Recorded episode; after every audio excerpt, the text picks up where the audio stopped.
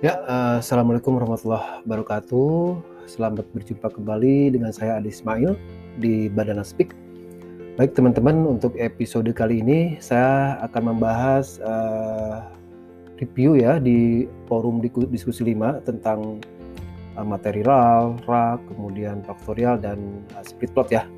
Baik, uh, ini terima kasih teman-teman ada 15 orang yang respon di kelas komen thank you terima kasih uh, atas uh, responnya. Ini dari Siva kemudian dari Restu dari Renata uh, Julfa dari Rohimatus nanti uh, bertanya kemudian dari Siva Nabila dari Siva Prastiwi bertanya kemudian dari uh, Pajar ya dari Pajar uh, menjawab kemudian uh, makasih juga Prayoga Ilham Prayoga uh, kemudian Nurul Hidayat uh, M. Sandi uh, Muhammad Aditya juga makasih nih uh, menjawab uh, membantu menjawab pertanyaan dan uh, dari Muhammad Aditya Gifari juga terima kasih uh, membantu pertanyaan. Baik, uh, saya coba runut uh, satu persatu ya teman-teman. Nah, uh, di sini yang pertama pertanyaan dari Rohimatus Syamsyah uh, terkait dengan mengenai uji LSD. Apakah kalau uji LSD itu selalu memakai taraf uh, 0,05 atau bagaimana Pak? Baik, ini pertanyaan bagus banget. Uh, makasih Roy Matus.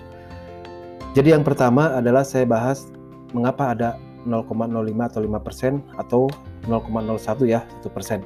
Nah, itu adalah uh, batasan uh, secara ilmiah barangkali ya, sudah ada pengujian dari para ilmuwan uh, sebelumnya bahwa nilai 5% atau 1% itu adalah taraf error. Taraf error jadi untuk khusus bidang pertanian boleh errornya itu 5% atau 1%. Begitu ya. Jadi uh, boleh salahnya itu uh, sekitar itu.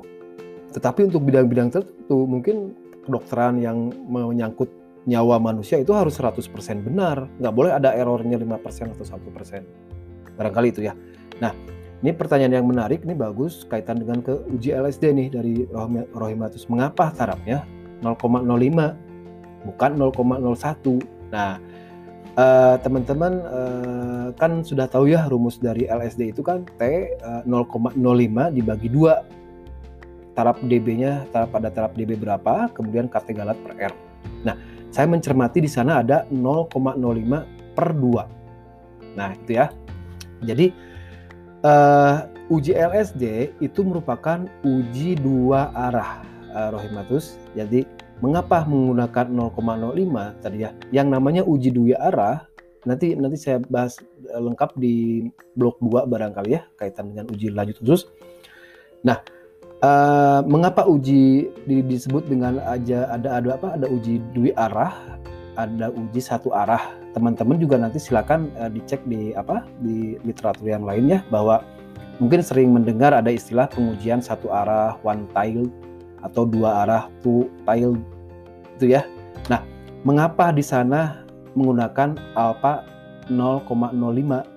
Tapi ini catatannya Rohimatus buat 0,05-nya per 2 ya. Nah, artinya begini. LSD itu merupakan uji pengujian dua arah. Sehingga maksud dua arah itu adalah artinya kalau dua arah bisa positif, bisa negatif. Nah, mengapa alfa alfanya dibagi dua? Artinya e, nanti taraf kesalahannya itu antara 0,025 kan ya? Dan 0,025 artinya dia masih ada di batas e, normal. Wala walaupun misalkan nanti hasilnya bisa positif bisa negatif seperti itu ya. Nah makanya yang diambil adalah 0,05 masih ada masih masih masih ada di antara 0,05 dan 0,01 ya jadi tadi alfa dibagi dua jadi 0,025 Nah, kalau menggunakan uh, alfanya 0,01, nah alfanya 0,01 dibagi 2, berarti kan 0,005. Jadi errornya sedikit banget gitu ya. Untuk bidang pertanian kita nggak mungkin mendekati error yang se, se apa sih se, sesempurna itu. Barangkali itu uh, Rohimatus. Jadi ini bagus banget pertanyaannya. Terima kasih uh, Rohimatus. Itu ya. Jadi intinya tetap selalu memakai taraf 0,05. Gitu ya, Roy Matus. Uh, makasih. dari Siva ini uh, Siva bertanya juga perbedaan antara uji LSD dan HSD dari segi perhitungannya uh, itu sendiri. Uh, nah ini kaitan secara teknis barangkali uh, Siva Siva nanti uh, saya jelaskan di di video bahan ajar ya nanti di blog 2 barangkali ya. Jadi untuk perbedaan antara uji LSD dan uji HSD dari segi hasil perhitungan. Tapi saya akan bahas di sini kaitannya dengan uh, teman-teman uh, barangkali uh, apa namanya uh, apa ya uh, pemilihan uji lanjut mungkin itu yang saya akan bahas ya untuk uh, pertanyaannya Siva uh, nanti saya secara perhitungannya karena dari segi perhitungannya mungkin teknis itu yang teman-teman pasti bisa. Tetapi dari sisi mengapa sih ini menggunakan LSD mengapa menggunakan uh, HSD nah itu yang paling penting. Mengapa menggunakan Duncan.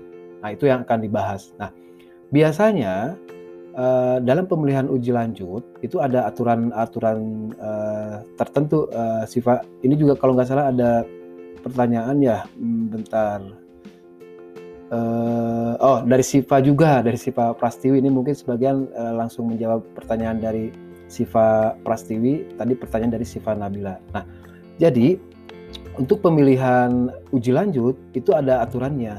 Itu berdasarkan nilai mengapa kemarin teman-teman menghitung koefisien keragaman, mengapa menghitung CV, coefficient of variation. Nah, itu ada. Nah, nanti teman-teman bisa dicari nanti di buku Hanifah 95 ini dari sumber dari Hanifah uh, Hanifah 95 dari dalam uh, Dian Herdianto ya. Nah, jadi itu berdasarkan ada tiga kriteria minimal. Berdasarkan koefisien keragaman. Jadi yang pertama, jika kakaknya besar, kakak atau koefisien keragamannya besar, nah ini minimal 10% pada kondisi homogen atau 20% itu menggunakan uji lanjut Duncan karena uji lanjut Duncan paling teliti jika koefisien keragamannya besar. Jika koefisien keragamannya sedang antara 5 sampai 10% itu bisa menggunakan uji BNT atau LSD. Nah, sedangkan jika koefisien keragamannya kecil maksimal 5% itu bisa menggunakan uji BNJ. Itu barangkali untuk sementara uh, jawaban dari saya untuk uh, Siva dan uh, Siva Prastiwi ya. Nah, barangkali itu ya. Nah, berikutnya ini Siva Prastiwi tadi ya. Uh, kita boleh pilih ya Pak ya boleh tadi ya bahwa uh, boleh pilih misalkan mau menggunakan uji lanjut LSD atau betul tadi ya secara prinsip tadi sudah uh, dijelaskan. Nah, pertanyaannya ada batas maksimal atau tidak untuk banyaknya penggunaan uji lanjut tersebut? Uh, nah, sebetulnya uh, tadi terkait dengan pemilihannya uh, Siva ini Siva Prastiwi ya, nggak uh, ada batas maksimal dalam hal misalkan uh, apa ya penggunaan uji lanjut. Tetapi tadi yang di, yang paling penting adalah pemilihan uji lanjutnya dipegang. Tetapi dalam proses misalkan uh, apa ya teman-teman mau dalam suatu nanti uh, topik skripsi teman-teman itu misalkan topiknya apa teman-teman mau menguji dua uji lanjut itu boleh sebetulnya kalau misalkan tapi uh, topiknya lebih diarahkan ke misalkan pengujian dua uji lanjut. Uh, seperti itu ya. Itu boleh. Nah ini um, saya coba baca lagi ya maksud dari SIPA ini apakah ada batas maksimal atau tidak ya Pak untuk banyaknya penggunaan uji lanjut ketika proses per penghitungan dilakukan. Mungkin ya tadi eh, kalau kaitan ke proses penghitungan artinya tadi batas pem, apa eh, prinsip dasar pemilihan berdasarkan koefisien keragaman. Mungkin itu yang saya yang saya tangkap uh, Syifa. Barangkali nanti kita kita diskusi lagi di, di kelas ya, di kelas online kalau memang ada yang mau ditanyakan lagi. Begitu yang bisa saya jawab, uh. Nah, ini dari Fajar. Ini makasih banyak uh, Fajar. Uh, sama-sama. Ini Fajar berusaha menjawab dari pertanyaan uh, Siva Nabila. Jadi uh, dari segi perhitungan antara LSD dan HSD memiliki prosedur yang mirip. Untuk HSD uh, digunakan sebagai alternatif pengganti LSD, gitu ya. Uh, poin-poinnya. Kemudian uh, pasangan rata-rata perlakuan tanpa rencana jadi bebas di, di apa sih di dikombinasikan gitu ya nah uji 2K HSD nah itu ya HSD itu uji 2K betul untuk membandingkan seluruh pasang rata-rata uh, perlakuan setelah uji analisis seragam dilakukan. Ya intinya sih sebetulnya semua uji lanjut ya Fajar uh, untuk bukan tukai aja ini dilakukan setelah uji analisis seragam itu prinsip dasar uh, rancangan percobaannya ya. Oke makasih Fajar bagus sip. Nah untuk LSD ini uh, dan seterusnya ya paling sederhana betul.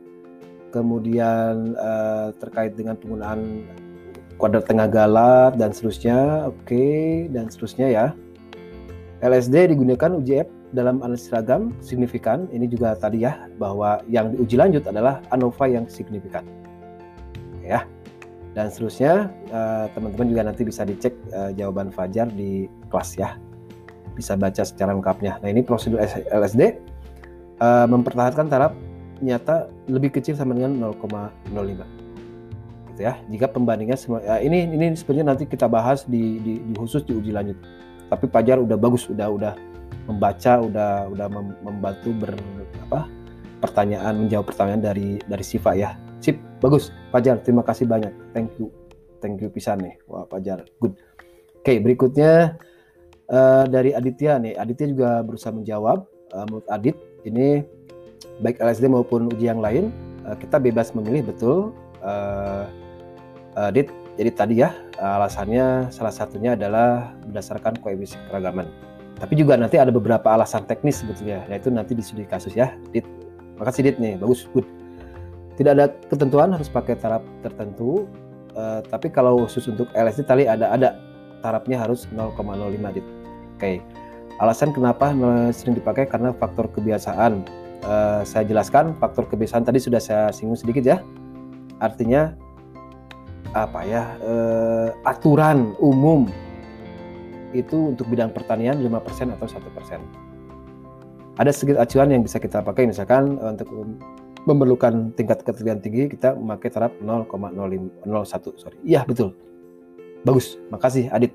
Itu ya, makanya teman-teman juga nanti di ANOVA bisa di, di, di apa ditampilkan tabel yang 0,01 juga gitu ya sehingga taraf apa sih kita itu signifikan atau sangat signifikan. Oke, bagus Dit, makasih Dit. Nah dari Adit juga ini menjawab pertanyaan dari Siva, uh, mem bebas memilih uji lanjut ya, setuju. Asalkan uji lanjut yang kita pilih benar-benar cocok dengan kondisi perlakuan rancangan lingkungan dan lain-lain sehingga mendukung ke kesimpulan. Artinya tadi ya Dit ya, dasar pemilihan uji lanjut menjadi sangat penting. Nah itu ya, mengapa ini penting? Karena teman-teman nanti coba ada ada mungkin mengalami misalkan kok dengan uji misalnya pertama misalkan Adit menggunakan pertama Adit menggunakan uh, uji Duncan kok kenapa ya Pak? Kok pakai uji Duncan semuanya semuanya non signifikan ah setelah dicek ternyata uh, kita bandingkan wah masa pas dicek secara logika menurut Adit wah ini harusnya signifikan. Kita cek coba menggunakan uji lanjut yang lain. Uji lanjut Scott Note dengan Scott Note itu kok jadi signifikan. Nah, artinya ada ada ada apa? Ada ada ada kondisi-kondisi tertentu secara teknis juga nanti teman-teman menemukan di lapangan uh, ada beberapa uji lanjut yang bisa mengcover itu misalkan Scott Note. Scott Note itu perlakuannya banyak banget. Ada juga kasus misalkan dengan Duncan kok si notasinya numpuk, maksud numpuk. Numpuk itu gini A, B, C, D, E. Wah itu kan enggak. Nah itu tanda salah satu tanda bahwa uji itu tidak tidak tidak sensitif. Makanya digunakan uji apa namanya Scott Note. Dengan Scott Note itu clustering sehingga tidak akan ada penumpukan rotasi dan uh, hasil uji menjadi lebih sensitif. Itu barangkali. Makasih Dit uh, teman-teman semuanya. Uh, intinya itu nanti lebih lengkapnya barangkali kita bahas di blog 2 uh, di materi berikutnya. Baik, terima kasih teman-teman sudah mendengarkan. Terima kasih sekali lagi uh, bagi teman-teman yang sudah uh, komentar dan respon di kelas komen. Thank you banget, terima kasih. Uh, saya tutup. Uh, sampai bertemu di episode berikutnya ya, teman-teman. Uh, terima kasih. Alhamdulillah. Assalamualaikum warahmatullahi wabarakatuh.